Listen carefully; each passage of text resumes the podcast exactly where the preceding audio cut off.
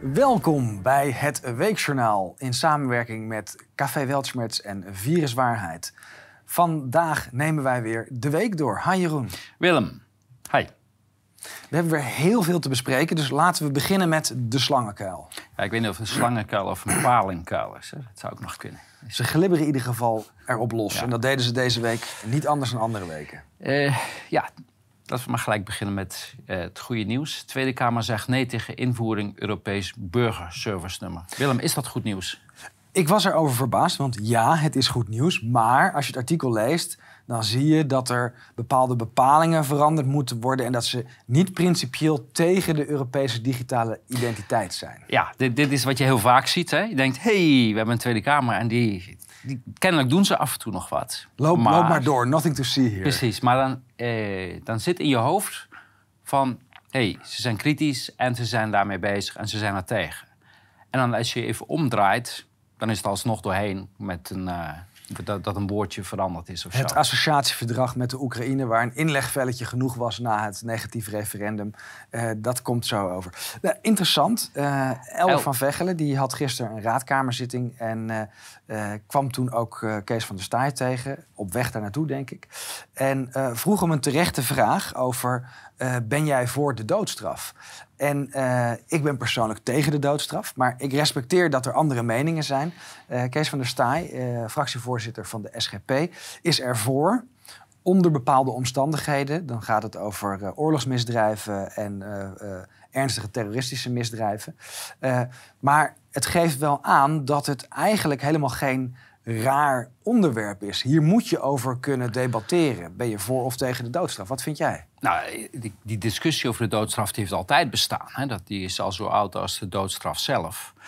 Alleen het laatste twee jaar hadden enkele politici daar denk ik moeite mee dat er gesproken wordt over de doodstraf. Waarschijnlijk anticiperend van jee, hè, dit, misschien dat we toch nog een keer voor een tribunaal komen. En dan heb ik liever niet dat er een doodstraf bestaat. Dus iedereen die het over de doodstraf had, die werd ineens eh, van opruiing of van bedreiging. Hè, van Heel, heel vreemd, want de, Ja. de doodstraf, zeker in de vorm van een uitgedeeld door een tribunaal, is erkennen dat het via de rechtsorde moet. Dus ik, ik, ik snap eigenlijk de Eh, ophef eh, niet. dat- je vraagt eigenlijk een. eh, je pleit voor een bepaalde straf, maar die opgelegd wordt door een rechter. Kijk, Ja. ik ben er zelf ook altijd tegen geweest, vooral omdat het onomkeerbaar is. Hè. En er zijn in het verleden heel veel vergissingen meegemaakt. Dus ik ben er geen voorstander van. Maar zoals je zegt, er moet gewoon een debat over kunnen Ja. plaatsvinden. En, dat, en ook al worden daar sommige En als er mensen zo panisch over wordt gedaan en mensen worden ervoor opgesloten om het alleen maar te suggereren of Ja. een vraag erover te stellen. Ik snap wel dat ze zenuwachtig zijn daarvoor. Dat want daar moet ook. natuurlijk wel een discussie over komen... wat voor Ja. straf deze mensen straks moeten krijgen. Absoluut.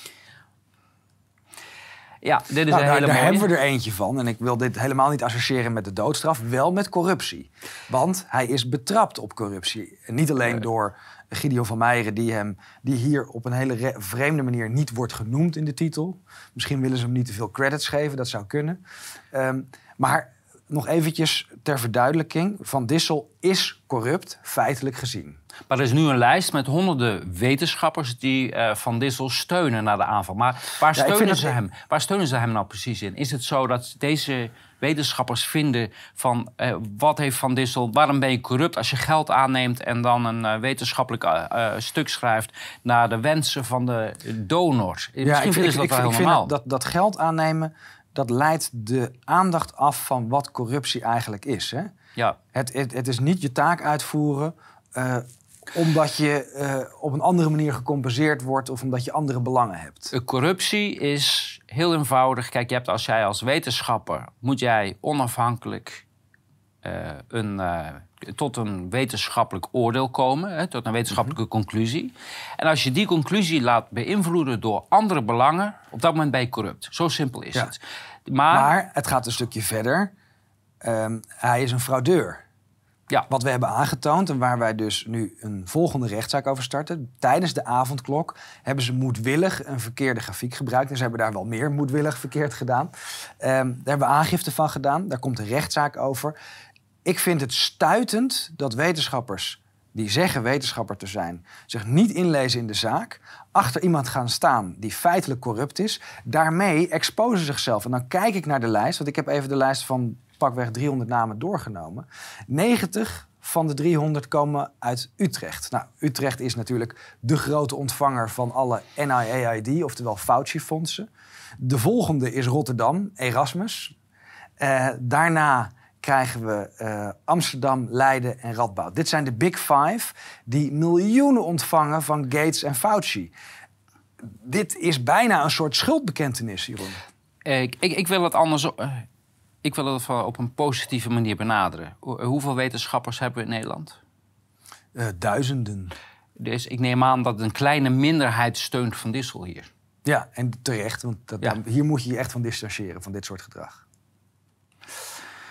De ChristenUnie bots met VVD en D66 over maken van embryo's. Er zijn politieke grenzen. Dat vind ik een opmerkelijke uitspraak van de ChristenUnie. Want eh, ze hebben zich volgens mij de afgelopen twee jaar juist geprofileerd als een partij die geen enkele grens kent. Ja, grenzeloze partij is het. Ja, ja ik wil, we hebben gezien dat de samenleving verdeeld werd, eh, dat mensen uitgesloten werden, dat kinderen mishandeld worden, dat ouderen uh, opgesloten worden. Opgesloten en in eenzaamheid moeten sterven. Dat was allemaal oké voor de ChristenUnie. Nee, er, is geen, er is niks moreels aan de ChristenUnie. Dus ik vind het heel raar dat ze hier opeens een grens zouden stellen. Waarom? Het is, ook dit is weer, uh, hoe noem je voor dat? Voor de bühne. Ja, om te laten zien, kijk, we zijn een hele principiële partij. Maar daarna gaan ze er gewoon mee akkoord natuurlijk. AIVD gebruikt omstreden Israëlische hacksoftware. Ja, dit werd al langer vermoed. Uh, gisteren of eergisteren kwam het dan uit in de krant. En uh, geen verrassing, ten eerste. Dit is iets wat wij al een hele tijd zeggen. Er wordt op grote schaal buiten wettelijke bevoegdheden om afgeluisterd en uh, gevolgd. nu is het bevestigd. Nu is natuurlijk nog de vraag. Wie dan allemaal? Want hier doen ze net alsof het voor een hele ernstige moordzaak wordt gebruikt. Maar ja, dat is eigenlijk al niet de taak van de AIVD. Hè? Het gaat niet over misdrijven oplossen. Dus hier wordt al toegegeven uh, dat het buiten de wettelijke grondslag wordt gebruikt. Dan kunnen we ervan uitgaan dat er nog veel en veel meer mensen zijn afgeluisterd. En ik denk dat jij ook op die lijst staat. Uh, ik, ik zou niet weten waarom, want uh, ik ben niet interessant en ik heb ook niks te verbergen. Maar je vertoont ongewenst gedrag. Dit gaat niet meer kunnen. over crimineel. Nou ja, ik denk dat je punt hebt. Dit soort ehm, uh, mogelijkheden, die worden altijd gepresenteerd, die hebben we nodig om zware, zware terroristen te pakken. En uiteindelijk wordt dan een bijstandsmoeder daarmee uh, aangepakt. En zo, zo dan komen we zo op dat je ziet dat het altijd uitmondt in het uh, misbruik van bevoegdheden. Ja, hier zijn nog een paar interessante observaties uit. Dit is dan uit het artikel van de Volkskrant. Ehm, het is commercieel ingekocht. En hier zie ik nog dat ze bij de AIVD erin zijn geslaagd om een hekvriendelijke omgeving te creëren. En dat er een goed salaris kan worden betaald. Uh, hetgene dat hier nog niet bij staat, maar wat wel heel duidelijk is, is dat voor iedereen die je afluistert, in ieder geval de Israëlische inlichtingendienst op de hoogte zijn. Die moeten daar toestemming voor geven. Dus eigenlijk zitten wij nu onder een soort vangnet van de Israëlische geheime dienst. Dat is niks nieuws. Uh, de, deze discussie heeft ook plaatsgevonden in die rechtszaak van Bay Bassin. Mm bij Bassin werd uiteindelijk onder meer veroordeeld, want uh, er was een uitspraak die was, werd, dat was heel vreemd. Uh, I make him cold of zo. Weet je, mm -hmm. iets, iets wat heel verbasterd. Dat moest dan uiteindelijk een bewijs zijn dat hij uh, mm -hmm. uh, opdracht zou geven, volgens mij, om iemand te liquideren.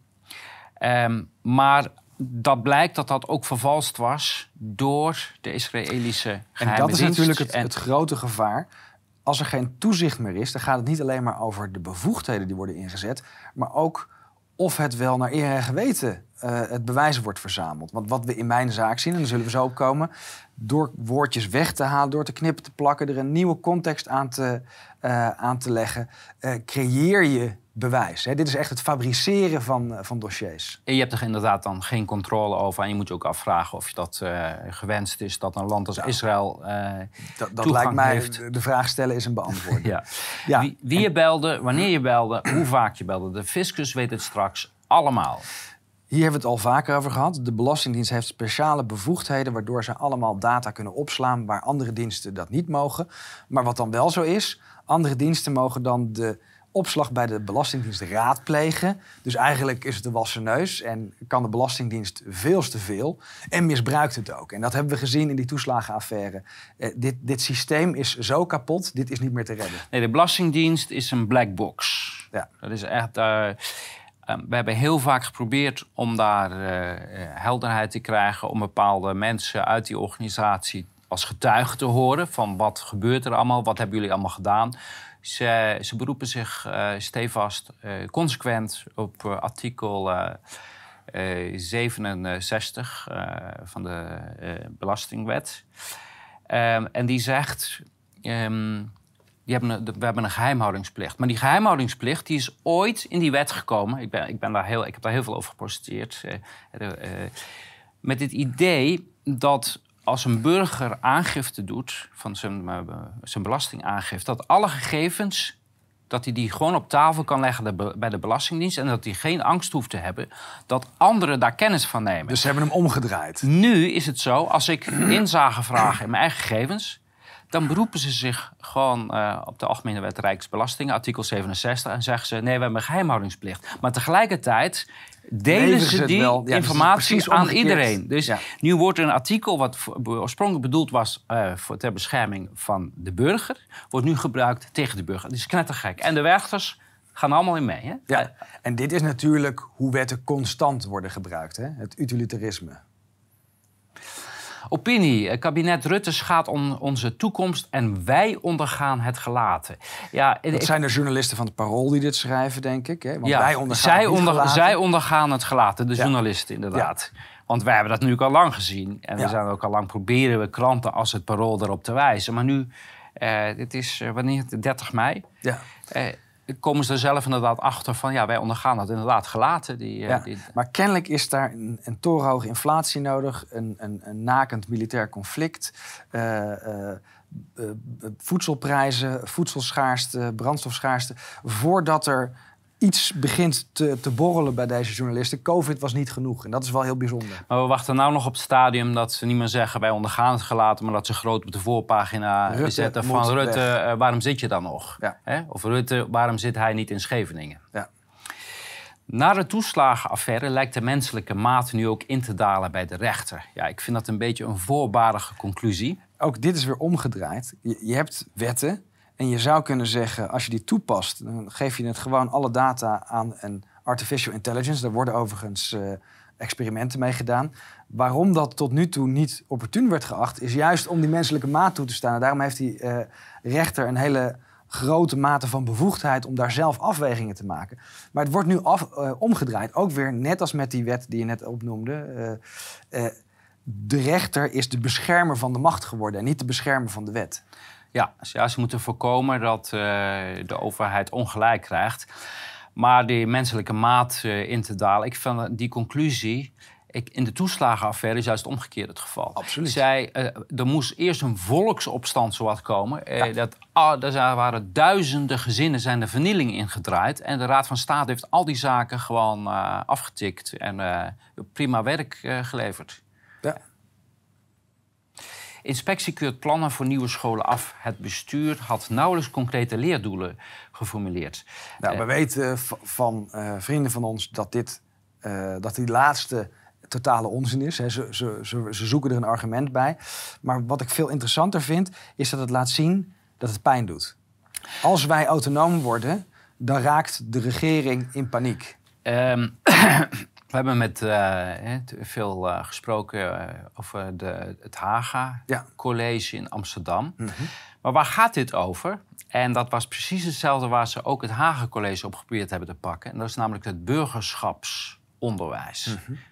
um, je moet die leerlingen indoctrineren. En burgerschap Um, dat klinkt veel mooier dan het is, maar het is eigenlijk uh, om, om, Hoe loop je in de pas? Hoe loop je in de pas? Hoe maak je er brave burgers van? Maar um, dat burgerschap, uh, dat is heel vaag omschreven. Dus Hagen College, uiteindelijk konden ze hun daar niet op pakken.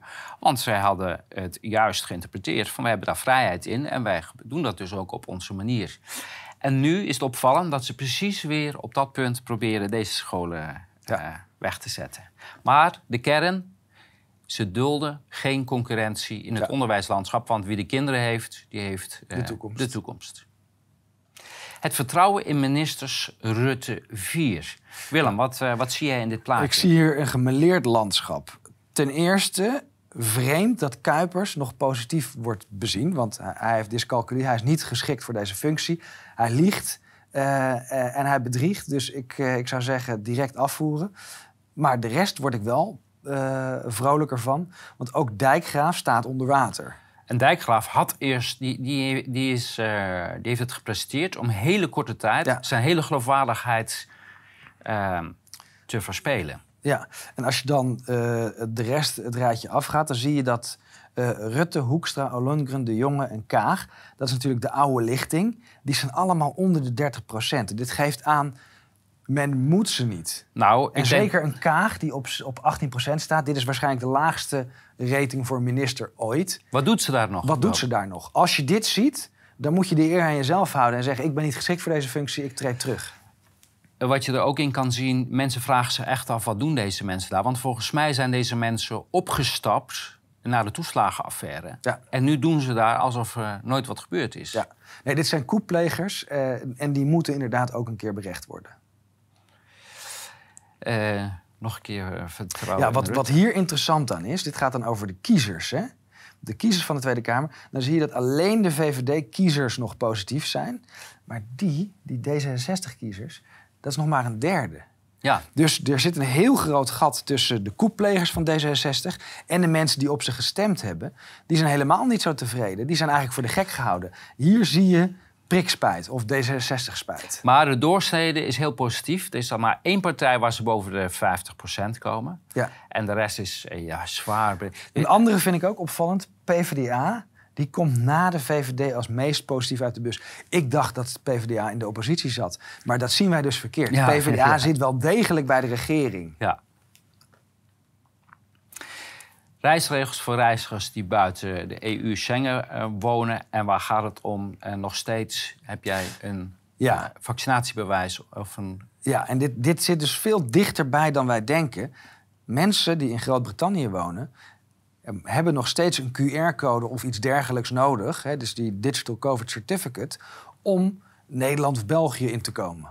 Want er, Dus eh, die QR-code is helemaal niet weg. En dan wil ik nog eventjes eh, naar mijn langzaamste leerling even vragen van... oké, je hebt er eh, volgens mij bier op verwet. Die wordt graag geïnd. Museumplein lijkt mij een mooie plek om dat samen op te drinken.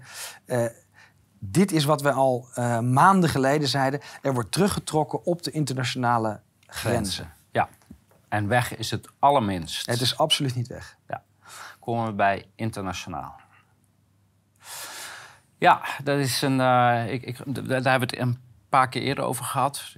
Nadat die rechter in Weimar een supermooie eh, uitspraak. Echt goed onderbouwd. Hij heeft eh, onderzoek eh, gedaan door deskundigen te horen. Ja.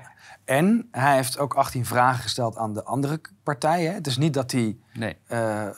verkeerd te werk is gegaan, los van zijn eigen mening. Hij heeft allebei de partijen gevraagd: lever je deskundigen aan, lever de onderbouwing aan en dan maak ik een afweging. En Eén partij heeft niet geantwoord. Logisch, er is namelijk geen onderbouwing. Er is geen enkel wetenschappelijk bewijs voor een hoge IFR, eh, asymptomatische besmetting, de grote druppeltheorie. Het is allemaal broodje aap. Die andere zijde heeft het wel gedaan. En daar is een heel goed vonnis uitgekomen. Maar er is gelijk een inval bij deze rechter gedaan. Iets wat 80 jaar niet is voorgekomen. En dan kom je weer, je mag niet vergelijken. Maar waarom doe je dan dezelfde dingen als ze 80 jaar geleden deden? ja, Ehm, en hij wordt dus nu ook vervolgd wegens rechtsbuiging. En dat is grappig, want hier zie je weer die omgekeerde wereld. Hè. De rechters die hun werk doen, die worden vervolgd voor Ja. rechtsbuiging. Ik heb nu twintig rechters heb ik aangifte tegen gedaan. Wegens artikel Rechtsbuiging, zei je. 13. Hè, dat is eh, rechtsweigering, heet het dan in het Nederlands. Eh, de wet Algemene Bepaling is dat. Eh, en artikel 364, dat is een rechtelijk ambtsmisdrijf. Het wordt allemaal van tafel geveegd. Terwijl het evidente schof, eh, Dus als jij de, de hoe heet het, de, me- de, het narratief volgt als rechter, dan is het goed. Ben je veilig. Ja. Ja. en doe je dat niet, dan eh, kom je voor de rechter zelf. Ehm, Ja, in Duitsland hebben ze nu om uh, energie te bezuinigen het warm water afgedraaid. En er is een mooi vervolg. Dat hebben we in de winter geloof ik ook laten zien in, in, in een uh, uitzending. In de winter hebben ze de verwarming uitgezet, of heel laag gezet. En, al, en de ramen moesten natuurlijk wijd open uh, voor corona. Dus ze zaten daar allemaal met jassen en met truien. En Merkel, ja. en, echt, die, die houdt van kinderen. echt, ja, om zich pesten inderdaad. Uh, die zei toen, ja, ze moeten maar even dan uh, in de handen gaan klappen of even kniebuigingen maken. Dus dat is het een beetje waar we naartoe gaan. Hè. kinderen moeten lijden. Ja. Dat is duidelijk. Maar ook in Nederland hebben we dat natuurlijk gehad. Hè, met uh, je, de handen wassen tot stuk gaan. Ja. Of je handen stuk wassen. Dat is aanzetten tot lichamelijke verminking. Ik vind het nog steeds een uitspraak die in Nederland is gedaan door Rutte... die absoluut niet door de beugel kan. En vergeet niet te testen. Wat in Duitsland nog steeds tot op de dag van vandaag in Berlijn moeten kinderen nog steeds meermaals per week testen om naar school te kunnen. En vergeet de mondkapjes niet. Dus uh, de kinderen zijn het doelwit uh, van uh, deze, wat zijn het, criminelen, kan je dat nog zeggen, of psychopaat? Ik weet niet wat de juiste... Ik denk dat het een tot het ander heeft geleid. Ja, iemand die psychopaat is, is misschien geen crimineel, hè, omdat hij niet beter weet. Weet je. Dus dat... Dan ben je nog steeds crimineel, alleen ja. nou. hoor je TBS te krijgen. Uh, dit gaat over de verkiezingsfraude in, uh, in de Verenigde Staten. In Arizona waren 19.000 ongeldige stembiljetten uh, geteld en, meegeteld. Ja, en dat, dat begint nu eindelijk een beetje naar buiten te komen. Er is enorme fraude gepleegd, ook in Nederland. Uh, waarom laten we deze vooral zien? We hebben afgelopen maandag eindelijk een eigen rechtszaak gehad over die verkiezingsfraude. Ik hoop dat die rechter het lef heeft om de zaak te heropenen. Want dan kunnen we echt aan de slag en kunnen, kunnen we een onderzoek eisen om de omvang van de verkiezingsfraude aan te tonen. Want het is nu hard vast komen te staan. Er is verkiezingsfraude gepleegd, is... het is niet tegengesproken. Ja. En daarmee is het dus vast komen te staan. Um, in een, een, een, volgende zitting uh, hoop ik dat wij de kiesraad of een ander uh, overheidsorgaan kunnen dwingen tot het onderzoek doen probleem is natuurlijk, heel veel van het materiaal is al vernietigd. En, en dat is, uh... Daarom zou je, uh, kijk, verkiezingen, daar mag geen twijfel over bestaan. Hè? Ja. Uh, um, over de betrouwbaarheid daarvan. Op het moment dat er wel twijfel over is, zal het reden moeten zijn. En het is sowieso tijd dat ze opstappen. Dus ik zou ja. zeggen, gewoon nieuwe verkiezingen. Absoluut. En deze keer met garanties ja. dat het... Nou, die heb ik ook gevraagd. De garanties is, er moet een, een veel strakker mediabeleid komen rond die verkiezingen. Want Jula Rijksman, die een D66-campagne heeft gevoerd als voorzitter van de NPO. Dat is natuurlijk iets wat niet mogelijk is. De regels van het briefstemmen tijdens de verkiezingen veranderen. Drie dagen verkiezingen. De bussen niet verzegeld, niet transparant. Eigenlijk We hebben dit al in 2020 hebben ja. dit besproken. Toen ja. het voorstel kwam om al die regels ja. maar te veranderen. Het, de, de, En die zijn dus inderdaad misbruikt. Dat is want ze werden naar een andere plaats gebracht. Want in die veel kantoortjes van die stemlokalen was het niet groot Kijk, genoeg. dit met die stembiljetten. Ik vermoed uh, om maar een, uh, een zijstraat te noemen, Eiburg, een wijk van Amsterdam. Daar is de opkomst van 70% in 2017 naar 90% in 2021 gegaan. Jeroen, misschien is daar wel fraude gepleegd. Het, eh, het zou zomaar kunnen. India koopt miljoenen tonnen Russische olie voor een prijsje na boycott EU. Ja, dit is wat we de hele tijd al zeggen. Deze ja, boycott. Want ik zag van de week een hele trotse tweet van onze minister-president, meneer Rutte, die zegt... we hebben toch die olieboycott er doorheen gekregen. Wat een goed nieuws. Uh, wat hij eigenlijk zegt, ik heb de hele bevolking in het pak genaaid... en ik ben daar trots op. Want ja. de enige die daaraan leidt, dat is de bevolking die bij de tankstation staat... en denkt van... Uh, Dit is alleen maar een truc om te onteigenen. Oh, 100, absoluut. Ja. we hebben het einde daar nog lang niet van gezien. En, de, en uh, Rusland die profiteert er alleen maar. Die hebben nog nooit zoveel verdiend als nu. Ja. En, ja. Nou, en je ziet gewoon, uh, het is mislukt. China, India, Pakistan, uh, Iran doen allemaal niet mee aan die olieboycott. Dus er is helemaal geen effect voor Rusland. Overigens in Duitsland hebben ze net de, de prijs, ik geloof met 35 cent voor diesel verlaagd. Maar ze hebben uh, ik was aan de pomp uh, gisteren daar. Uh, maar een dag ervoor hebben ze het nog even verhoogd. Dus per saldo, volgens mij, ik heb niks, geen verschil kunnen merken. Ook weer een stunt om... ja, het is eigenlijk hetzelfde. Je ziet, het, als er nog zoveel grote eh, eh, consumenten zijn die Russisch gas en Russisch olie wil kopen. We hebben ons echt alleen maar in de eigen voet geschoten. Ja, maar met het gas, dat weet je, dat is nog knettergekker. Hè? Want eh, Duitsland en, eh, die weigert Russisch gas. Ze betalen er wel voor, maar ze zeggen nee, we hoeven het niet te hebben, want we Ja. boycotten jullie. Ja. Dus ze stoppen het geld in hun zak en dan kunnen ze het vervolgens aan andere partijen verkopen. Goeie boycott ja. trouwens. ja, het is echt een boycott van de eigen bevolking. Ehm, Polen mag onder voorwaarden gebruik maken van bijna 35 miljard uit het corona-herstelfonds. Ja, maar waarom mogen ze dit nu? Omdat er weer een, een, een dealtje is gesloten. hè. Polen lag dwars en wordt nu weer erbij getrokken. En dit is waar de Europese Unie nu eigenlijk toe bestaan is. Polen en Hongarije snappen het spelletje. Ja, die- je moet dwars gaan liggen, dan krijg je geld. Hongarije is ook weer meegegaan. Hè? Precies Ja. wat ik voorspeld heb. Hè? Absoluut. Want heel veel mensen waren enthousiast. Kijk, die Hongarije, die, eh, Ja. die nee. Eh Orbán is door en door corrupt. Ja. En die weet iedere keer, eh nou, hoeft hij alleen maar te roepen... ja, ik doe niet mee. Dan komen ze met geld, maken ze over... en dan ineens gaat hij overstag. Ja. En Ferrara, een leugenaar van de geteste... eh, van de, oh ja, dit is vertaald. Ja, de- dit is uit de eh, Servisch. is, eh, 184 uitspraken van Vucic zijn er slechts vier waar, bijna waar. Ja, ik, ik, dus dat blijkt dat ze best wel een betrouwbare premier hebben in Ja, eh in Servië. ieder geval want, nog, nog vier van de 184. Dat halen wij niet. Dat halen wij bij lange niet eh, bij Rutte, ben Nee. ik bang. Nee. Dus, eh, Het zou me verbazen als, er, als, er, als die waarcategorie überhaupt één uitspraak bevat. En dan Trudeau. Er is geen enkele reden waarom mensen in Canada in het dagelijkse leven eh, wapens of eh, handwapens zouden moeten dragen. Ja. Want hij is heel trots. Hij heeft eh, handwapensverbod van de week getekend. En, maar wat blijkt dan? Hij zelf loopt tussen allemaal mensen die wel handwapens dragen. Ja, ik denk dat het goed is om daar te beginnen. Laat al die mensen thuis blijven of hun handwapen inleveren... en kijken of Trudeau er dan nog steeds voor is.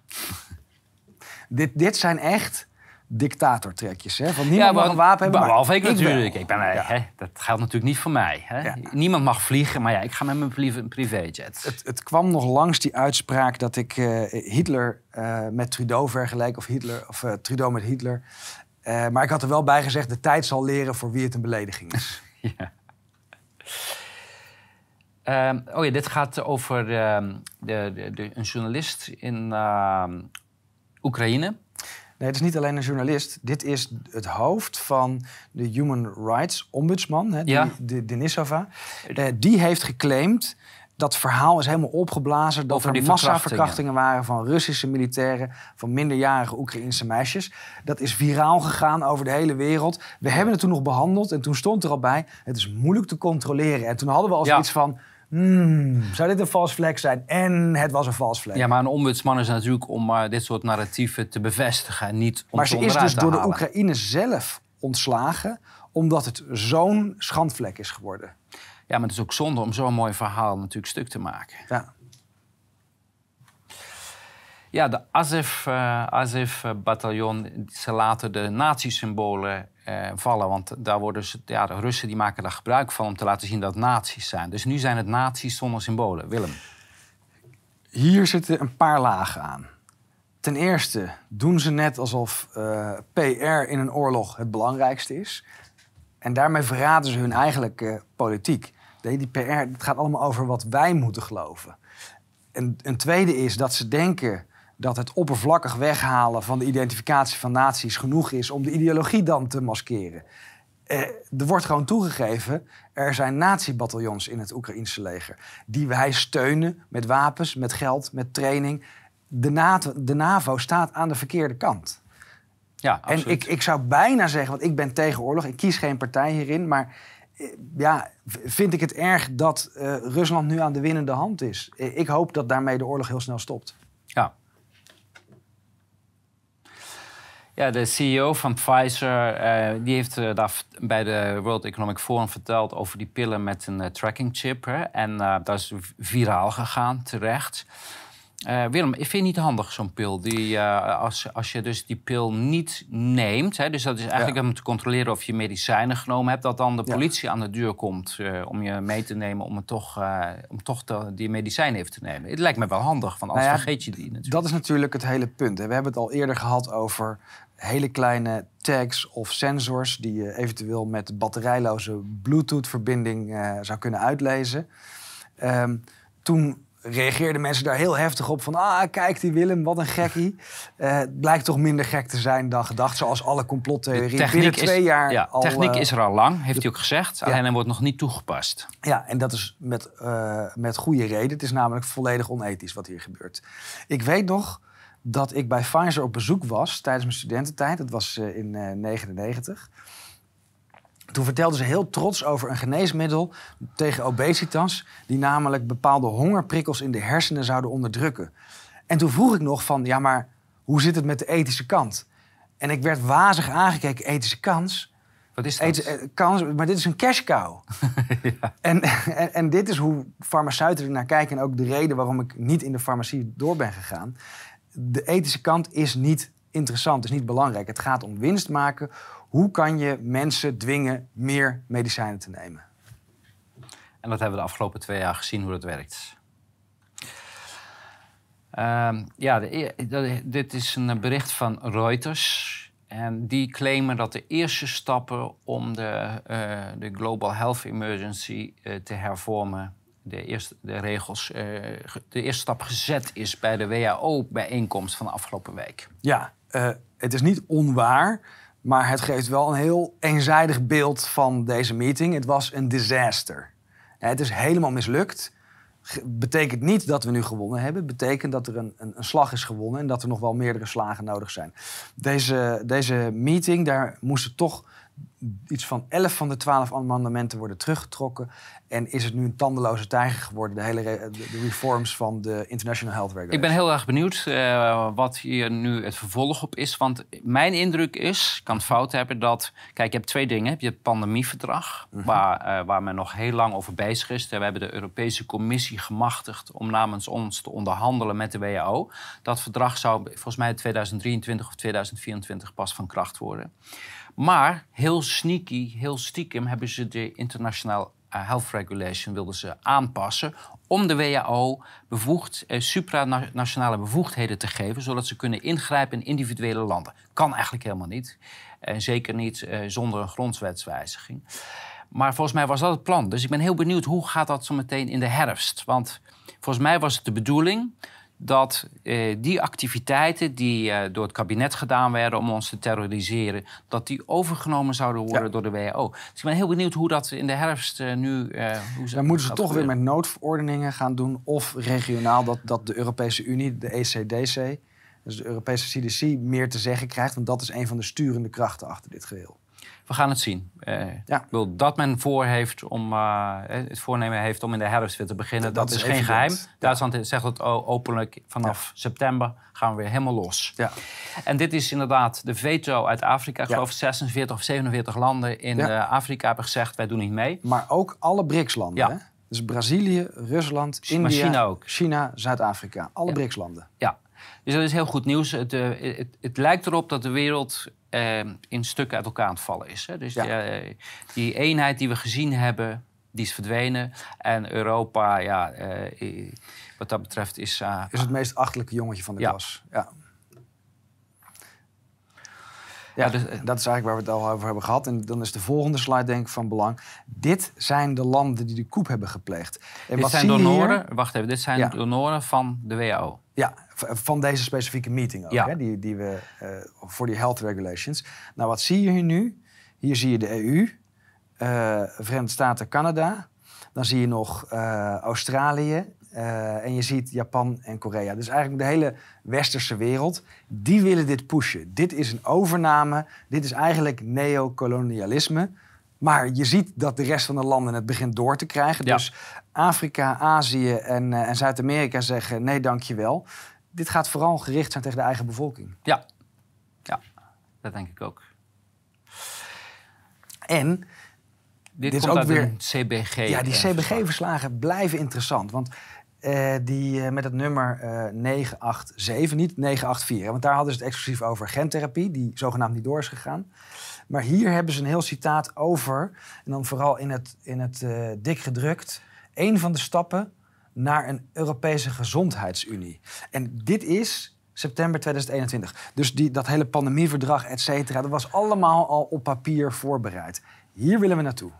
En de grap is natuurlijk dat ik heb daar geen politicus over horen spreken. Jij wel? Nee. Want even voor de duidelijkheid, hè, we hebben in, voor de Europese Unie hebben we drie pilaren. Hè, mm en gezondheid is een, alleen maar als... Een advies. Als het niet, nationaal, als het niet uh, op een nationaal niveau geregeld kan worden. Dus dat is subsidiair. Mm En nu wil men daar ook een uh, hoofdpijler van maken. Dat uh, de hele gezondheid over... Dat, dat is makkelijker, want dan hoef je niet zoveel landen te overtuigen... als je met Boerla gesproken hebt.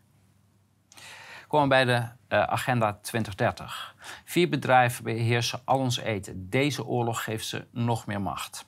Ja, dat wisten we natuurlijk al. Het is de big shakeout. We hebben dat in de bankencrisis gezien met de kleine bankjes die onafhankelijk zijn uh, kapot maken. Too big to fail. Uh, wat deze crisissen allemaal laten zien achter elkaar, is dat de staat en de grote ketens, de multinationals, één zijn geworden. Dit is eigenlijk het neofascisme. En fascisme was gericht toen Mussolini het startte op het nationaal socialisme en waar, uh, of nationaal fascisme, wat Hitler eigenlijk uh, heeft gekopieerd. Uh, dit gaat een stapje verder. Dit gaat over de nazistaat en de multinationals alle macht geven, waardoor de concurrentie wordt uitgeschakeld. Kijk, dat is natuurlijk de vraag: hoe bestaat het dat nationale overheden en dat die niet ingrijpen, ja. ook of internationaal, dat een concentratie plaatsvindt van het eigendom van voedsel. En daarmee de, zij de macht hebben over de hele wereldbevolking. En dan denken ze aan bedrijven als Cargill, die eigenlijk de hele wereld. Dat is een familiebedrijf. Een van de grootste familiebedrijven, het grootste ter wereld. Mm Je hoort er heel weinig over. Maar dat zijn bedrijven met enorm veel invloed. En die doen ook eh, mee met eh, deze hele, ja. hele hoax is een hele gevaarlijke ontwikkeling. En dan natuurlijk nog even opmerken, uh, Gates die, uh, is de grootste bezitter van landbouwgronden, niet alleen in de Verenigde Staten, maar wist je dat in de Oekraïne die, die drie grote uh, beleggingsbedrijven, dat die bijna alle landbouwgrond bezitten ja. in de Oekraïne. Precies. Toch stof tot nadenken. Ja. Ja, dit is natuurlijk wat ze willen. Hè? Dus de Davos-elite waarschuwt ons uh, het wordt een pijnlijke transitie. Dus probeer zo min mogelijk te verzetten. Ga, ja. maar, ga maar liggen, dan is het snel voorbij. Ja, dus laat je auto maar staan, vlieg maar niet meer, je huis niet meer verwarmen, uh, niet meer warm douchen. Hè? Uh, want, maar ondertussen zit, zitten zij, zijn zij daar met 1500 private jets. Ja. jets. Ja. Dat we maar onze plaats even moeten begrijpen. En waarom is het onmogelijk om 20 miljoen ton graan uit Oekraïne te exporteren? Ja, dit gaat eigenlijk over dat ze nu via Polen en dan de haven van Gdansk, hè, het oude Danzig, uh, moeten exporteren in plaats van hoe ze normaal doen, Odessa. Maar wie heeft er nou allemaal mijnen in de haven van Odessa gelegd? Volgens mij zijn het de Oekraïners zelf. Dus dit zijn allemaal self-inflicted Het is een toneelspel. Het is een toneelspel. En uh, ja. je kan mij niet vertellen als uh, alle politieke prominenten daar kunnen opdagen... alle popsterren daar kunnen opdagen... dat het onmogelijk zou zijn om op de een of andere manier daar vandaan ja. uh, graan te exporteren. Ja, dit is allemaal het, het narratief. Over 50 graden in Nederland. Ja. Het is echt zorgwekkend. Hè? Het zou zomaar, ik bedoel, ik heb de afgelopen week heb ik een trui aangehad. Ik heb de verwarming aangezet. Ja. Maar uh, ja, het AD uh, die had waarschijnlijk had, hadden ze dit al in de planning. 18 mei hadden we ook zoiets. Hè, van, het is nog nooit 28 graden geweest. Ja, op 18 mei. Ja. Maar op alle andere dagen in mei is het wel eens 28 graden geweest. En dit is ook, kan het ooit in Nederland 50 graden worden? Ja, zou kunnen. Ja. Moeten we er rekening mee houden? Ja, je kan met alles rekening gaan houden, Jeroen. Ja, maar dat is weer die, uh, proberen die angst... De angstporno. Uh, ja, ja. En het AD, ja, wat moeten we daarvan zeggen? Ja. Uh, pinprobleem bij twee supers getackeld, maar storing blijft. Duitse winkels uh, teisteren. Ik, we hebben daar vorige week ook over gehad. Ik moet zeggen, ik was gisteren, kon ik weer op veel meer plaatsen. Ik gebruik geen pin, maar ik zie dan mm -hmm. dat dat, ja, dat, weer ze, werkt. Dat, ze weer, dat het weer werkt. Dus het probleem is al kleiner dan vorige week. Maar ondertussen is het gewoon al meer dan een maand dat, ze, dat mensen nauwelijks met PIN kunnen betalen. En ze kunnen ook niet geld opnemen, omdat er wordt zoveel geld opgenomen dat die automaten zijn allemaal leeg. Dus, is er niet een manier om gewoon de, consumentie, uh, of de, de consumptie te, te drukken, waardoor de inflatie minder zichtbaar of minder voelbaar is. Ja, maar ik vind, het is niet heel handig, want tegelijkertijd willen ze ons eh, in die digitale munt drukken. En uh, als jij een maand lang nauwelijks hebt kunnen, uh, je boodschappen hebt kunnen doen, omdat jij geen cashgeld had. Ja, hoe, hoe, hoe groot blijft dan eh, het draagvlak eh, voor Ja. dit soort eh, dingen? Dus ik, ik vind het heel moeilijk om dit te duiden. Ja, want dan krijg je bij de volgende... eh, krijg je wel weer dat, dat eh, het Mastercard nu zegt... eh, binnen vijf jaar moeten we naar de central currency gaan. Naar de digital currency. Dus het, het, er is een duidelijk plan. En ze willen kennelijk het eerst helemaal kapot maken... omdat dat nodig is voor het plan. Ze zeggen binnen vijf jaar. Eh, ik vind het opvallend. Mhm. Want volgens mij... ehm, ik heb stukken gelezen van de Europese Commissie... toen bezig was met uitzoeken van die digitale Mhm. identiteit. Volgens mij is het al de bedoeling... eh, ofwel eind dit jaar of begin volgend jaar dat te, te introduceren. Het kan natuurlijk zijn dat dit gaslighting is... of hoe je dat ook wilt noemen. Mhm. Ja. Eh, van, eh, we zeggen vijf jaar, dat, zodat mensen niet nu al zenuwachtig worden. Dat Ja. weet ik niet. Maar ehm, ja, het komt er in ieder geval aan. Juridisch ook weer heel veel eh, interessante dingen. Ja, hoort het bij juridisch? Eh, ja, denk het wel. Er zijn namelijk best wel wat mensen die ik ook persoonlijk ken... die echt worden lastiggevallen door de woke-beweging in de universiteit. Het is echt een epidemie. Hoe hebben ze die universiteiten zo gek kunnen krijgen om met Ja. deze nonsens, deze gekkigheid mee te doen? Heel veel geld erin pompen. Dat, dat werkt meestal. Ehm, want die universiteiten, dat, is eigenlijk de, hè, dat zijn de broeinesten van dat wokisme. En eh, dat, dat ja, je moet, moet dat bestreden worden. Het hoort niet op een universiteit. Met dit- wetenschap dit- heeft dit het zijn, niks te maken. Dit zijn eh, eh, maats- maatschappijvisies of ideologische overtuigingen. We- eh, de universiteiten horen over wetenschap te gaan. Dit valt helemaal in hetzelfde rijtje als dat je met z'n allen achter een bewezen corrupte wetenschapper gaat staan, omdat hij jouw ideologie aanhangt. Je hebt, vandaag, eh, je hebt van de week weer contact gehad met je... nou, ik je- niet hoor. Ik, ik probeer het heel clean te houden, want we hebben een rechtszaak lopen. Eh, eh, de meneer Van Ranst, die, de, de twitteraar, die, waar ik meerdere aangiftes tegen heb gedaan. En dat was voor laster en smaad. Maar ik denk dat er nu een aangifte bij moet komen wegens stalking. Want hij blijft doorgaan. En ik vind het ook heel onverstandig van, van Mark van Ranst. Dus misschien is het toch goed om een keer een advocaat in te huren. Om eh, dit soort gedrag te blijven vertonen. Want het maakt zijn zakenstuk zwakker. Hij heeft zijn eerste eh, periode voor repliek heeft hij gemist. Eh, er zijn twee periodes in die eerste, eerste hoger twee beroep. termijnen, ja. Ehm, en het hoger beroep dient, die zijn zijn nu samengevoegd op 14 februari 2023. Dus dat wordt vervolgd. Ja als Mark Frans tegen die tijd nog steeds in staat is om... of hij moet verlof vragen tegen die tijd... eh, Dat zou kunnen, hè, dat hij Ja. eh, dat te druk heeft met andere Ik- rechtszaken. vanuit Scheveningen. Ik weet niet Ja. of je dan ook naar het buitenland mag, maar dat eh, is het probleem voor dan. Ja. wat is hier nou zo interessant aan? Dit is een artikel van 16 maart uit van nu.nl. van nu.nl. Ik ben gaan kijken naar de eerste versie. Kijk, in die tekst staat op verdenking van opruiende berichten. In de titel staat het nog wel, wegens opruiing. Maar als je dan de, het oorspronkelijke eh, ziet, dan staat er aangehouden wegens opruiing. Dus er zijn weer kleine woordjes die worden veranderd.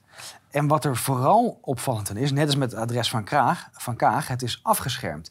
Want ik probeerde naar de eerste versie te gaan en dan krijg je met het Internet Archive krijg je configuratiefout. Dus het DPG is actief artikelen aan het herschrijven en de oorspronkelijke versie aan het afschermen. Maar dit is bewijsvervalsing. Dit heeft niks meer met journalistiek of met de media. eh, Nee. eh, eh, ik bedoel, eh, een artikel schrijf je. En als Ja. er iets aan verandert, moet er ook staan dat het veranderd is. Absoluut. Want nu doen ze net alsof dat het oorspronkelijke artikel was. Ah, precies. En dan bij deze is, wordt het nog gekker. Eh, dit artikel eh, wordt dan veranderd eh, met terugwerkende kracht. En nu lijkt het net alsof ik, eh, of er staat... eh, aanstaande vrijdag wordt er beslist over, de, over de zaak... Of ik moet langer moet vastzitten. Maar dat wordt dan veranderd met terugwerkende kracht. En in een andere... ehm, ik denk dat dat de volgende is... Hier wordt dan weer een, een bepaalde verwijzing naar de, het- het delen van adresgegevens van Sigrid Kaag. Overigens heb ik niet die ge- gedeeld. hè. Ik heb van het bedrijfspand eh, in die straat heb ik de gegevens gedeeld. Niet van een woonhuis. Ehm, en wat hier ook eh, eh, wordt veranderd is dat er eh, ik moest voorkomen op 30 maart voor die andere zaak. Hè, die, die zal nu 13 juni zijn. Dat die inhoudelijk wordt behandeld. Nou, ik denk niet dat we daar aan toe komen, omdat er te veel te veel stukken nog ontbreken aan het dossier.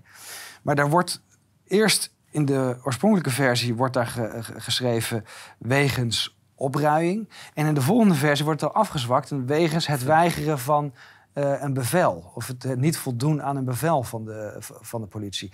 Dus er wordt met terugwerkende kracht worden er allerlei artikelen verzacht. En het is natuurlijk duidelijk wat, wat hier aan de hand is. Hè. Dit, is dit is vervalsing van bewijs. Gisteren was ik uh, Jimmy Dore aan het kijken, een van mijn favoriete comedians uit de Verenigde Staten. Die liet een stuk zien van Clinton. De Clinton-campagne, die uh, de advocaat van de verkiezingscampagne van Clinton in 2016 had contact met de FBI en vertelde de FBI hoe ze bepaalde rapporten naar voren moesten brengen. Dan ging het over de cyberattack op de uh, C of triple C server, de DNC server. Ehm, de FBI had onderzoek gedaan. Dan ging het over een possible cyberattack. En op voorspraak van deze advocaat hebben ze het veranderd. Hè, dus de, hetgene dat ze in het nieuws hebben gebracht, naar een cyberattack. Maar possible cyberattack en cyberattack zijn twee hele verschillende dingen. En iets dergelijks zien we hier. Dit is vervalsing van bewijs en het ook eh, die configuratiefout. En dat is dus het afschermen van het oorspronkelijke.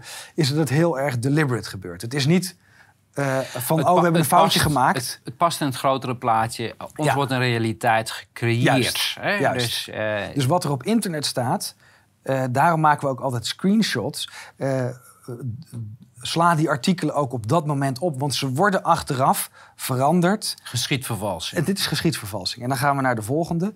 Kijk, hier is dat ook. Op mijn Wikipedia, en dit is dan de Wikipedia van Viruswaarheid, zijn er allemaal dingetjes die dan worden veranderd. He, de moord op de gebroeders de Wit, alsof ik daartoe zou hebben opgeroepen. Of dat ik het heb vergeleken met de mondkapjes. Dus dan wordt er essentiële onderdelen worden eruit gehaald. Die mondkapjes gingen over de Israëlische mensen binnen onze eigen organisatie die het daarmee hebben vergeleken. Enzovoorts, enzovoorts.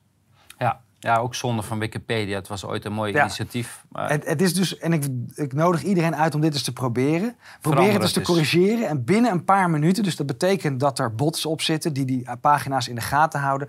Er moet een schijnrealiteit gecreëerd worden op het internet. Ja, eh, Willem Engel in Filemon en de complotten. Ik heb overal gelijk ingekregen. Willem. Nou, ik vind het ten eerste goed dat ze dit als titel uh, plaatsen. Want dat is ook zo. Hè. Dus dit is, dit is verslaggeving. Maar ik denk dat ze het er gekscherend op wilden zetten. Van kijk eens hoe, hoe die in zijn eigen waarheid gelooft. Maar het, het, het laat zien dat het ze dus heel erg dwars zit als wij in beeld komen en met feiten komen. Maar de titel had eigenlijk moeten zijn: Willem heeft overal gelijk in gekregen. Ja, dat had de titel moeten zijn. Uh, waarom antisemitisme bij de FVD niet meer tot ophef leidt? Ja, dit Weet je waarom? Dat is een hele duidelijke verklaring. Het is er niet. Nee. Kijk, dit moddergooien is heeft ze langste tijd gehad. Ze hebben nu jarenlang achter elkaar extreem rechts, antisemitisme, et cetera, et cetera. Ze blijven er maar mee bezig. Ik had uh, deze week een, uh, een Zoom-meeting met uh, een groep uit Israël. Maar ze doen het daar dus ook. Hè? Dus Israëli's worden zelf ook voor antisemiet uitgemaakt als ze tegen de COVID-maatregelen zijn. We zijn op dat ridicule niveau beland. Nou ja, ik wil komende weken wil ik aandacht gaan besteden aan aan dat, uh, die psychologische... Ja. Uh, dus de ideologische en psychologische trucs. Die, die gebruikt worden. Het is belangrijk dat mensen gaan beseffen wat er gebeurt. Hè? Wat voor trucs ze uithalen om jouw dingen te doen geloven en om jouw dingen te laten doen. Want op het moment dat jij doorhebt hoe, hoe dat werkt, dan word je ook daartegen, eigenlijk word je gevaccineerd dan tegen Absoluut. dit soort praktijken. Um, ja, in het ministerie van uh, eh, VWS, heel goed nieuws. Uh, je kan nog steeds je basisserie prikken halen. Want iedereen denkt dat het al lang verleden tijd is. En ja, maar het is het, schandalig uh... dat ze nu nog, nu de, nu de wetenschap de prikjes heeft debunked. Ze werken niet, ze zijn gevaarlijk. Het staat nu vast. Er zijn zoveel onderzoeken die laten zien... het zijn geen vaccins, want wat er voor een vaccin nodig is... is een langdurige immuniteit. Zijn ze allemaal niet toe in staat geweest. Ze hebben heel veel schade veroorzaakt. We komen dadelijk bij het medisch gedeelte nog wat meer over te spreken. Maar dat het nog steeds wordt aangeprezen. Dit is crimineel. Ja, maar het is ook nog lang niet voorbij. Hè? Je hebt gehoord, Oostenrijk hoorde ik afgelopen week dat vanaf september... ehm, dan geldt de, voor de QR-code... Mhm. De genezenverklaring die is niet meer voldoende. Je moet genezenverklaring plus een prik. Ja. Dus eh, dus eh, zo En ook wordt het daar is onderzoek naar gedaan. Daar komen we zo op. Eh, het prikken na infectie heeft geen enkele meerwaarde. Als je eenmaal geïnfecteerd bent geweest, dan ben je immuun. Dat is de enige manier. Al die gentherapie werkt niet, Het laat zien, dus ook niet daarna. het houdt niet op. Men moet die dingen... Ja. de- ik, we hebben gehoord, er waren 7 miljard liggen er nog op de plank, geloof Ja. ik, van die prikken. Dus ze moeten ze wel ergens kwijt. En nu Afrika ze niet neemt, zullen wij toch wat meer moeten, wat extra Ja. moeten doen. Ja, even over de, ehm, de eh, WOP. Er zijn heel veel WOP-stukken boven water gekomen. Heel succesvol. Ehm, complimenten voor al die mensen die daar zoveel energie in hebben gestopt en eh, vooral doorgaan. Maar wat verbaast mij nou, hè, we hebben toen gewezen ook op waar waar kan je ze vinden. Wie nu naar de website gaat van de WOP COVID-19, die vindt dit plaatje. Daar kan je dan een zoekterm ingeven. Voorheen kon je gewoon, want dat was de manier waarop ik werkte. Ik keek wat voor besluiten zijn er allemaal gepubliceerd. En zit daar nog iets interessants tussen. Nu moet je ten eerste met een zoekterm gaan werken. Maar als je die zoekterm invult, komt er helemaal niets. Eh, die WOP-stukken zijn via de overheidswebsite, voor zover ik dat heb kunnen eh, zien, ontoegankelijk gemaakt. Is geen toeval, het zit Nee. ze heel erg dwars. Zit ze heel erg dwars. Ze hebben gedacht, Ja. we gooien gewoon eh, vrachtwagens vol documenten. Niemand gaat die kijken, dat zijn we namelijk gewend. Dat heeft nooit iemand gedaan. En nu ineens bleek dus dat mensen gingen graven... en de grootste shit naar boven haalden. En waar ze toch mee in verlegenheid kwamen... waar de Kamerdebatten over kwamen. En ze hebben gedacht, dat moeten we niet meer hebben. De Maar criminelen zijn gesnapt. Daar komt het op neer. er is goed nieuws. Eh, ik werd ook gewezen op deze website. Ehm, hierin echt fantastisch. Het werkt supergoed. Ik heb geprobeerd. Ik vond binnen een paar minuten echt super eh, interessant eh, stukken. Ehm aleph.openstate.eu. Daar kan je alle eh WOP-stukken doorzoeken eh, met, eh, met zoektermen. Ik zou zeggen, iedereen ga aan de gang en eh, probeer weer eh, pareltjes eh, Zeker. te vinden. Ja. Want dat heeft duidelijk zin. Hè? Het, het, het, ze- Ja. het zit ze heel erg dwars. Ja, propaganda en censuur. Ja, eh, Depp krijgt gelijk in de smaadzak. Het moet miljoenen aan ex-man betalen. Ja, wat ik hier eh, interessant aan vind. Kijk, het, het genre eh, tv-processen, dat hebben wij in Nederland een beetje op de kaart gezet. Het is echt, heeft echt een vlucht genomen wereldwijd. Ik weet niet of, of dat Depp ook onze zaken heeft gekeken. Hij heeft in ieder geval gesnapt dat het de court of public opinion is die je moet beïnvloeden. Eh, ik heb er een paar stukjes van gezien. Het is hilarisch om te zien. Het is echt een, een, een soort, eh, een soort Toneelspel. toneelspel. Het zijn ook allebei acteurs volgens mij. Maar eh, zij heeft verloren. Oftewel, zij moet schadevergoeding betalen. En wat hier nou het interessante aan is... ook dit is een grote klap voor de woke-cultuur. Want het hele MeToo-verhaal... dat je gratuit Je- mannen, je kan, mannen kan beschuldigen en jij krijgt alles. alles gelijk. En jij krijgt alles gelijk. Daar staat nu een dikke streep door. Het kan consequenties hebben als je iemand valselijk beschuldigt. En dan eh, ga je zo zuur kijken. Als je, Ja, ach, als je miljoenen moet betalen, ja. En Derksen niet vervolgd naar verhalen over penetratie met kaars. Eh, Wi- Willem, ik zat Ja, je zou hier ook kunnen zag. zeggen... dit is ook een overwinning op het wokisme, maar dit is helemaal niks. Nou, ik, ik- waar is dit nieuws? Wie had Precies. gedacht dat iemand vervolgd gaat worden voor een, een, een stoer verhaal wat eh, zo lang geleden is Ja, maar wat niet te eh, controleren is... Ja, het is, ik, dit is een totaal eh, eh, non-issue. Maar kennelijk eh, voor de NOS eh, aanleiding om toch een artikel Ja. over te schrijven. Deze is interessant. Dit gaat over, en ik zie ze ook wel eens langskomen. Op Google en Twitter zijn er van die reclames, die irritante reclames. En dan zie je dan de foto van eh Jort Kelder. Overigens, dat was onze eerste optreden. hè. Jij zat bij Jort Ja. Kelder. Dat, dat, Dat was mensen in mei kijken- 2020. Precies, mei 2020. Ehm, hij heeft eh, deze platforms aangeklaagd. Volgens mij heeft hij in de eerste aanleg ongelijk gekregen. Gaat in hoger beroep. En ik geef hem wel een goede kans. Want wat er hier gebeurt... eh, social media beroepen zich op van... ja, maar wij zijn niet verantwoordelijk voor wat er wordt geplaatst. Maar let op, dit gaat over betaalde advertenties. Dus op het moment dat Facebook of Google eh, of Twitter wordt betaald om nepnieuws te verspreiden, is het oké. Maar als jij het nepnieuws verspreidt, wat eigenlijk echt nieuws is, maar niet in het straatje past van Facebook of Google of Twitter, dan wordt het er wel afgehaald. Dit is weer die Section 230 volgens mij. eh, eh, platform or publisher. Dit- Zij, zij gedragen zich als een publisher. Ja, Over, even over die betaalde boodschappen. Ehm, als jij eh, bijvoorbeeld voor, om, om mensen informatie te verschaffen over vaccins of wat dan ook, of gentherapie, eh, dan kan jij geen betaalde advertentie zetten hoor, bij, eh, bij Twitter of bij. eh, dus ze kijken wel degelijk naar Ja, de inhoud absoluut. van. Ja. Ja. Dus, dus dit is echt krokodillentraan en ik hoop dat ze heel hard het lid op de neus krijgen. Ja, dit is een, dit is de, eh, eigenlijk is dit het verhaal van de week. Want Ja. eh, veel gekker wordt het niet. Ja. Het Supreme Court eh, die, eh, in de Verenigde Staten die blokkeert de, de Texas Social Media anti- Anti-Censorship Ja. Law. Dus wat is hier nou aan de hand? Eh, Abbott heeft een, eh, eh, wat is het, presidential of eh, gouvernementeel eh, decree getekend. eh, dat ervoor moet zorgen dat de social media in Texas niet meer in staat is om bepaalde politieke overtuigingen te weren. Hè? Want dat is wat, wat we zien. Het is een anti-censorship, anti-censuur. anti-censuurwet. En die wordt nu door de Supreme Court eh, voorlopig Ja. terzijde gelegd. Want? Omdat het social media zou censureren. Want dat zijn ook personen. is- Ja, het, het, gekker dan dit gaat het niet worden, denk ik.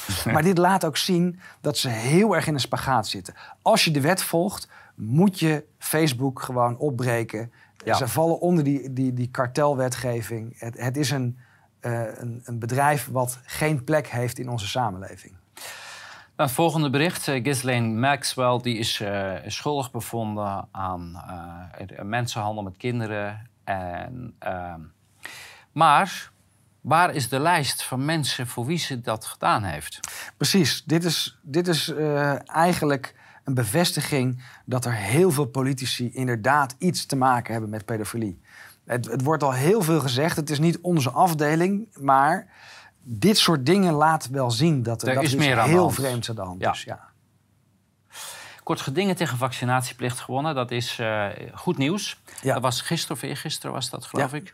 KLM, ehm, de, de, de eh, pilotenvakbond, geloof ik. Hè, Ja, van de VNV volgens mij, die heeft KLM gedaagd en gezegd... jullie mogen niet eh, als eis voor het aannemen van nieuw personeel... een, Ja. een, een vaccinatievraag hebben van je moet ge- geprikt zijn... want anders, mag je niet worden, anders kan je niet worden ingezet. Eh, daar heeft de rechter, en ik was er eigenlijk over verbaasd... vrij principieel over geantwoord. Artikel 8, inbreuk van privacy, is niet toegestaan... want het is niet proportioneel en de subsidiariteit is niet genoeg bekeken. Ik was er vrij positief over. Nou, het is, de- het- is een kantonrechter. du- Dus dat zijn eh, rechters die normaal niet de kans, eh, vaak de kans krijgen hierover te oordelen. Ja, het de belangrijkste winstpunt vond ik dat ze als werkgever of toekomstige werkgever niet mogen vragen of je gevaccineerd bent. Ja. dat, zij, eh, zij hebben het over het recht op privacy, maar het gaat veel verder. Ja. En dat is jammer dat daar niet op in is gegaan. Namelijk, eh, het, het heeft met informed consent te maken. Want de plicht om Ja. je vaccinatiestatus te moeten mededelen... is al een inbreuk op informed consent. Want daarmee word je namelijk onder eh, druk gezet om je te laten vaccineren. Dat staat overigens wel in het vonnis, maar het wordt niet benoemd. Maar eh, eh, dit vind ik het positiefste punt. Ja. Het andere punt eh, wat de rechter aangehaald heeft... eh, en dat is namelijk het subsidiariteitsbeginsel. KLM heeft niet aan kunnen tonen dat er geen minder zwaarwegende middelen zijn om hetzelfde doel te bereiken. En of, de, Ja. en of dit middel wel geschikt is om het doel te bereiken. Dus op zich een mooi vonnis. Ja. Ja. gaat nog niet ver genoeg, maar het is weer Ja. een stap. En, en dit zit in een lijn van vonnissen. Eigenlijk sinds 15 maart vallen er heel veel vonnissen naar de goede kant. En, en begint het verhaal echt eh, eh, lek te raken. Nou, laten we hopen dat het bij jou ook gebeurt, want het is je nieuwe eh, ten lastenlegging. Ja, ik heb toch op de valreep nog een oproep gekregen voor eh 20 juni. Dus nu moet ik 13 juni voorkomen voor de zaak van de arrestatie van 10 oktober. Hè, die op zichzelf al onrechtmatig was. Ik ben nu vier keer gearresteerd. En alle vier de arrestaties zijn onrechtmatig geweest. Misschien heb ik daar wel een record mee gevestigd. Ehm, maar dit zijn dan de specifieke uitlatingen eh, die volgens het OM eh, opruiing zouden zijn. Ik weet nog steeds niet tot wat. En ik denk dat dat heel belangrijk is om, om constant te blijven vragen van ja, maar opruiming... Dat Tot kan wat? Niet, het moet een concreet strafbaar feit zijn. Precies. Dus welk concreet strafbaar feit wordt er nu toe opgeruimd? Ze hebben een aantal laten vallen en ze hebben een aantal zijn Dat is ook opvallend. Er zijn er dus drie uitgehaald. Die gingen over eh guerrilla-acties, die gingen over eh, het saboteren van de QR-code. eh, en die gingen over het kapotmaken van de NOS. Maar daar was het heel duidelijk dat de context was dat het ging over ludieke acties, et cetera. Dus die zijn terecht eruit gehaald. Maar die zijn er ooit bij geplaatst om te veinzen dat het opruiming was met terroristisch oogmerk. En die hebben ze ooit nodig gehad om die strafvordering 126g, dus die, die, die stelselmatige observatie, eh, te activeren. Dus dat is ook een van onze kernvragen. Waar is het Bob-dossier? Bijzondere opsporingsbevoegdheden, Bevoegdheden, ja. die willen wij zien. En zeker nu dat met Pegasus uit is gekomen, waar zijn de afluisterverslagen van de AIVD van, Ja. van mij? Wat ik opvallend vond, goed, de prikbussen zijn gebleven. Je hebt toen opgeroepen eh, GGD-medewerkers eh, te Ja. fotograferen, eh, verder niks. Het oproepen om besmet te raken, ook heel opvallend dat ze die laten zien. Want dit wordt een mooie discussie. Ik hoop dat de strafzaak doorgaat. Ik ben bang overigens Dat dat, men het op, op de lange baan dat- gaan schuiven, want ze hebben hier geen zin in. Maar wat Ja. ik het opvallendste vond, Ja, was dat ze die van Bruls erin hebben laten staan. Hè? die ook. Die ook. Eh, en dit gaat dan ook over, eh, over die 21 juni. en 21 juni en 28 juni. Ook heel opvallend. Van, Waarom? wa- Wat hier de gedachte is, is dat het oproepen tot demonstreren Opruiming zou zijn. Terwijl dat maar maar dan, die discussie willen we heel graag aan. Want volgens mij staat dat recht van demonstratie in alle mensenrechtenverdragen zo ongeveer. In onze grondwet, in het EVRM, et cetera. En hier wordt niet gezegd met, eh, dat we het met geweld moeten doen, dat we Nee. het ergens tegenin moeten doen. Dus ja, ik vind het heel bijzonder dat ze dit erin hebben durven zetten. Eh, ja, eh, men denkt op nationaal niveau, want het EVRM bestaat niet meer, het Europese Mensenrechtenverdrag. Maar eh, ja, ik vind dit heel, eh, heel riskant om dit. Ten meer ook omdat we hier dus al meerdere procedures over hebben gevoerd. Ja. Dit wordt als, als reden aangehaald eh, voor de andere zaak. Dus nu lopen ze ook door elkaar. Hè? Er wordt gezegd dat Engel demonstreert. Eh, is al opruiming op zich. Kijk maar naar 21, 28 juni. Maar dat zeggen ze in de 13 juni-zaak, die over de arrestatie van 10 oktober gaat. Maar daar leggen ze het niet ten laste. En in de andere zaak leggen ze het wel ten laste. Ja, dan worden mijn. eh, hè, dus eh, Equality of Arms, volgens mij heet het. Nu, nu worden mijn rechten als verdachte geschonden. Want hoe kan ik nu me verdedigen tegen iets wat in de ene zaak wel en in de andere zaak niet Ja. ten laste wordt gelegd? En Bruls vind ik het opvallendste, want Ja. dan zal hij eh, namelijk Absoluut. moeten gaan. eh, Ja, als, eh, eventjes één terug nog. Ik werd gisteren dus gebeld door het Brabants Dagblad. Ehm, want die hebben hier toen een hitpiece over gemaakt, maar niet op 11 september. Want dit bericht is van 11 september 2020. Die hebben, naar aanleiding van een belletje van de NCTV... ja. op 22 of 23 september een hitpiece gemaakt. En dat ging eigenlijk over de hashtag ik doe niet meer mee. Toen moest er wat worden gezocht waarmee ik aan de schandpaal werd genageld. Dus ook die eh, journalist gaan we horen in deze zaak. Die gaan we als getuige oproepen. En dan komen we bij Bruls. Er wordt nu net gedaan alsof er een brandje is gesticht. We hebben bevestigd dat niemand er wat Niemand van weet wat. Maar nee. dat er wel camerabeelden zijn, maar die kunnen voor wegens privacyreden niet gegeven worden. En hier staat ambtswoning. Ambtswoning is niet privéwoning. Ambtswoning is eh, de plek waar de burgemeester werkt. Of die er gaat wonen en of zijn familie er woont, dat is een persoonlijke keus. Maar daar hebben we het ook niet over gehad. Hè. Het gaat hier over ambtswoning. Maar ook al zou het zijn privéwoning zijn, Ja. eh, ook daar is geen verbod eh, tot demonstreren. Ik, weet- ik weet niet waar dat verhaal vandaan komt dat je Mhm. Ja. niet voor een privéwoning van een eh eh, ambtsdrager zou mogen demonstreren. Kijk, Ze willen het niet, dat is duidelijk. Of, daar mag iedereen zijn eigen mening over hebben, of, of dat fatsoenlijk is of wat dan ook. Ja. Maar daar gaan we niet over. Het feit is, er staat niet in de wet, je mag alleen maar daar demonstreren, maar niet bij een huis of een woonhuis. Ja. Ehm, dit, is- oh ja.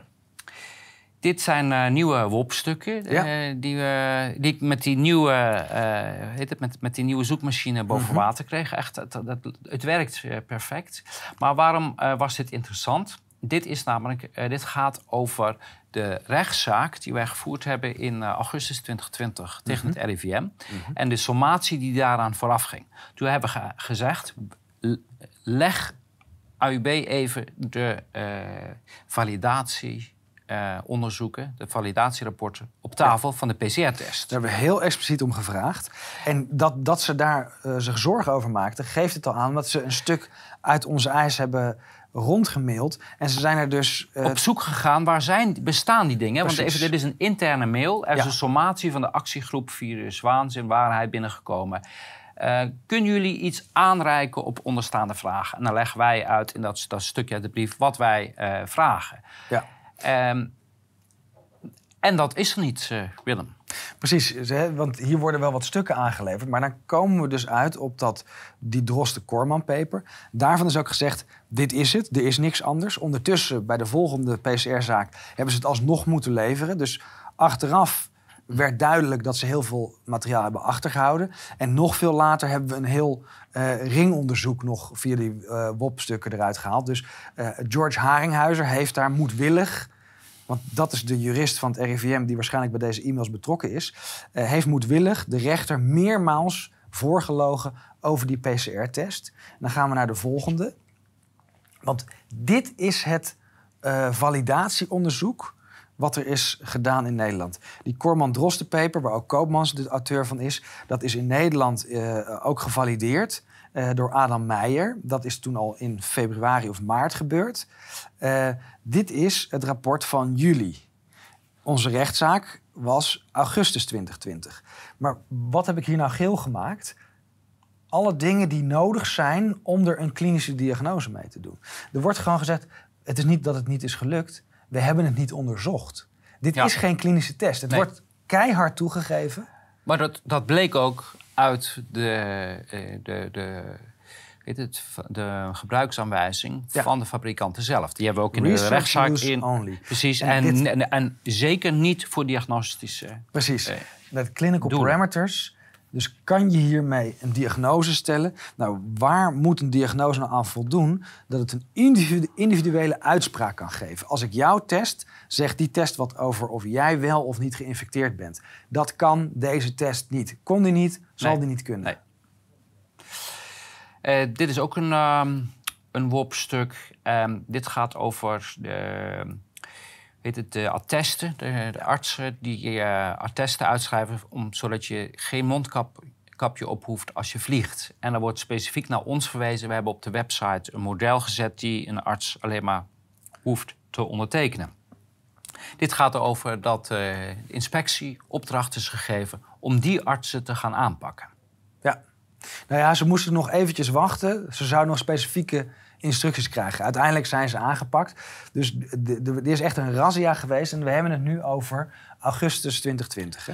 Maar dat is grappig, want dat zie je ook in alle landen terug. Hè. In Duitsland zijn ze nog veel fanatieker geweest. Die hebben natuurlijk daar veel meer ervaring in uh, dan... Uh, het zit in de volksaard, zou je bijna kunnen zeggen in ieder geval zit het in een traditie, laat het zo zeggen. En daar doen ze nog steeds invallen bij artsenpraktijken. Ik ken een arts die heeft al drie invallen gehad. En veel kritische artsen hebben het land ook al uh, verlaten. Want er is gewoon niet meer te werken in Duitsland. Ja, en die is ook nog interessant. Toen waren ze al volop bezig met het bron- en contactonderzoek. Dat moest er doorkomen. Hè? Het gaat nog verder terug. Volgens mij hebben ze het in april al over die, die app voor contact tracing. Dit is een essentieel onderdeel van het hele oh, die, plan. Die, die app, dat was letterlijk direct na aanvang eh, is men daarover begonnen. Ja. Komen nog even bij medisch. Want hier komen we, dat contact tracing dat moet erin blijven. En daar gaat volgens mij die, uh, die monkeypokken over. Nou, dit is een artikel uh, uit Engeland. En wat blijkt, de media heeft weer flink de pomp aangezet om mensen de angst in te jagen, zodat ze ook deze nonsens weer kunnen gaan verkopen. Maar de, de noodroep, hoe heet het? de 911 of in, Nederland. Um, die worden overspoeld met mensen die in paniek raken. Hè. Die hebben een kleine huiduitslag en die denken: oh jee, oh jee, ik heb de apenpokken. Ja, ja. Angst, hè, dat is de, een van de, van de dingen die ze daarmee uh, willen. Het is een interessant uh, uh, artikel. Want het zegt eigenlijk van ja, het is misschien al vier jaar op de achtergrond bezig. Het is natuurlijk helemaal niet zo besmettelijk. En het is ook niet een hele ernstige ziekte. Dus het is gewoon onder de radar gebleven. En dat komt heel goed uit met waarom het allemaal terug te linken is naar die ene uh, entry van eh, het genoom door Israël uit 2018. Hè. Dus je ziet in meerdere artikelen... wat we nu zien lijkt uit een lab leak van uh, die entry te komen. En dit stukje... In dit de komt uit de wet, publieke, gezondheid. Artikel 1, geloof Dat andere, dat, hè, die spoedwet is vervallen. Dit stond er al in. Maar hier gaat het over, quarantaine. Want we zien bij ehm, L en M de definitie van besmetting en infectie. Dan kunnen mensen ook nalezen... het gebruik van het woord besmetting is echt foutief. Zeker in de context van het medisch-juridische. Maar quarantaine gebeurt iets vreemds. En ik heb het blauw gemaakt. Mogelijk besmet. Maar wat is mogelijk besmet? Maar mogelijk besmet met de infectieziekte. En, en precies, mogelijk besmet met een infectieziekte. Nee, wacht even. Je kan met een agens besmet zijn. Of, nou ja, niet besmet zijn, want alleen levenloze projecten. Dus je kan blootgesteld zijn aan. En dat is contact tracing. Dus wat hier wordt gezegd, we moeten contact tracing en quarantaine en die angstporno in, in, in stand houden, zodat die backbone uh, van de surveillance uh, in, in, in, leven blijft. Dus nu worden, worden wegen gezocht via de huidige wetgeving en via de, de angstpropaganda met die monkeypox om iets in stand te houden, zodat dat hele testinfrastructuur uh, er kan blijven. Ja. Heel belangrijk.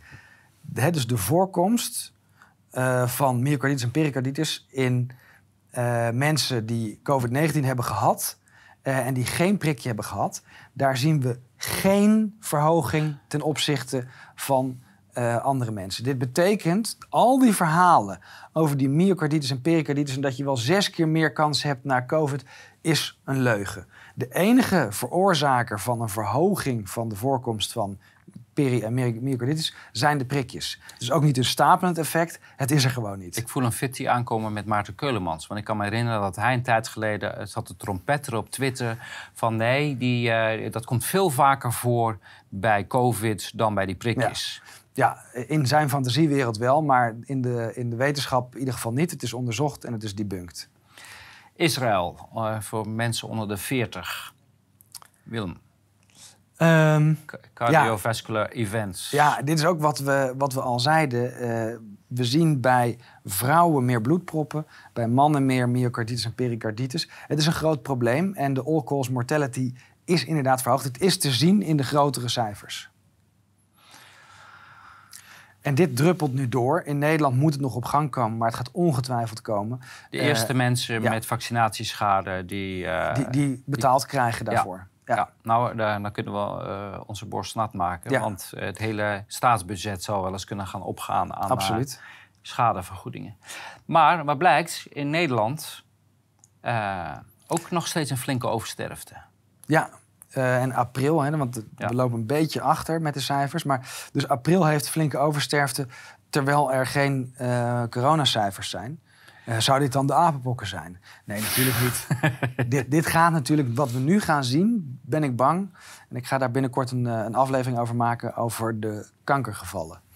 Um, doordat het uh, prikje het immuunsysteem verstoort en vooral het DNA-reparatiemechanisme uh, ontregeld en andere gedeeltes van het immuunsysteem, uh, is het immuunsysteem niet meer in staat kanker op te ruimen. En zullen we een van de middellange termijn effecten nu gaan waarnemen.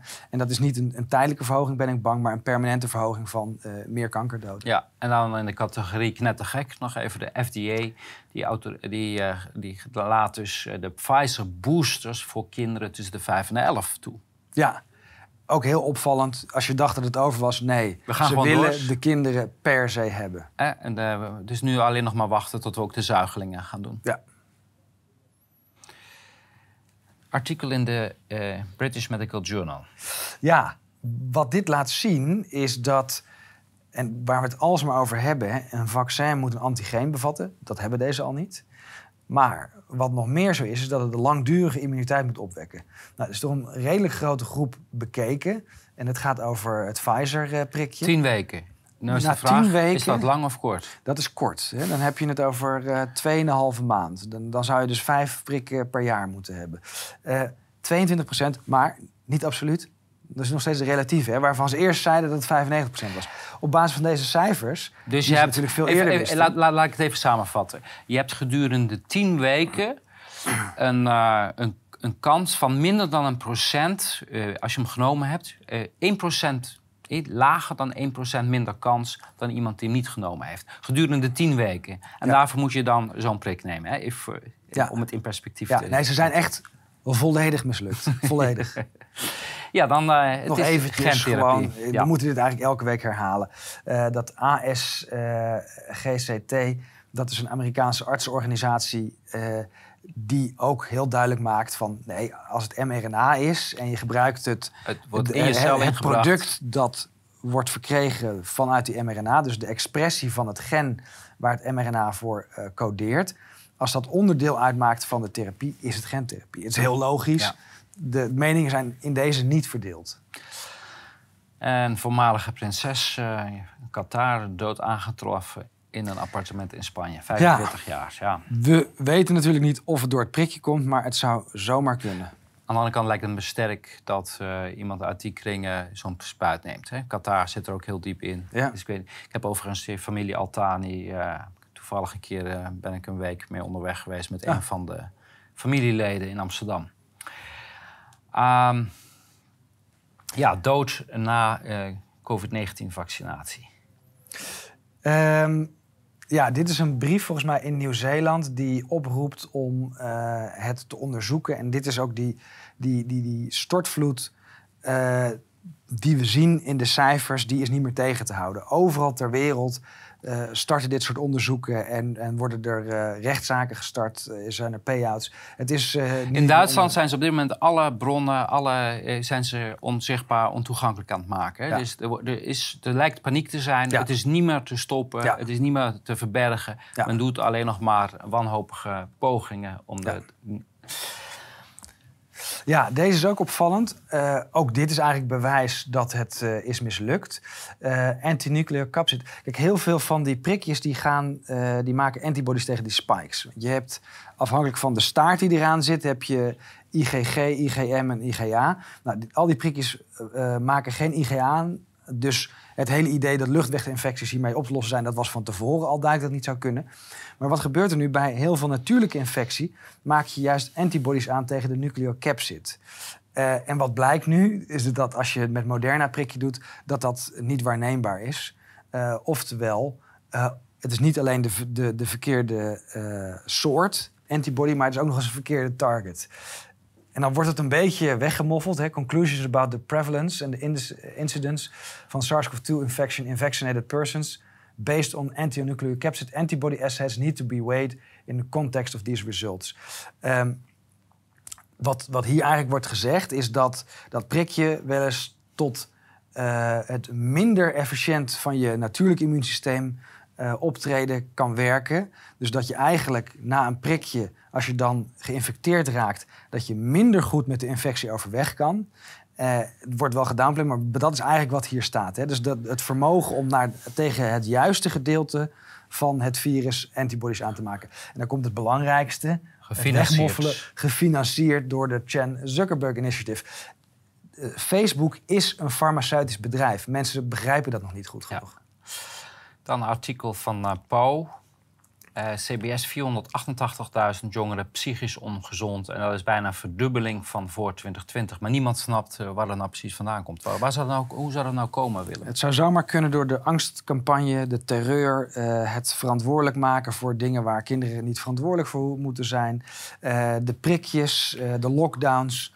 Het heeft in ieder geval niet met COVID te maken, want daar Nee. hebben kinderen geen last van. Nee, nee, nee. nee. En met, eh, met de maatregelen heeft het volgens sommigen eh, ook niet te maken. Zoals eh Maarten Kullemans die zei, nee hoor, In- dat is heel normaal. Dat is In- altijd zo. Inmiddels wordt dit wel schoorvoetend toegegeven. Ja, het wordt ook wel tijd. Ja.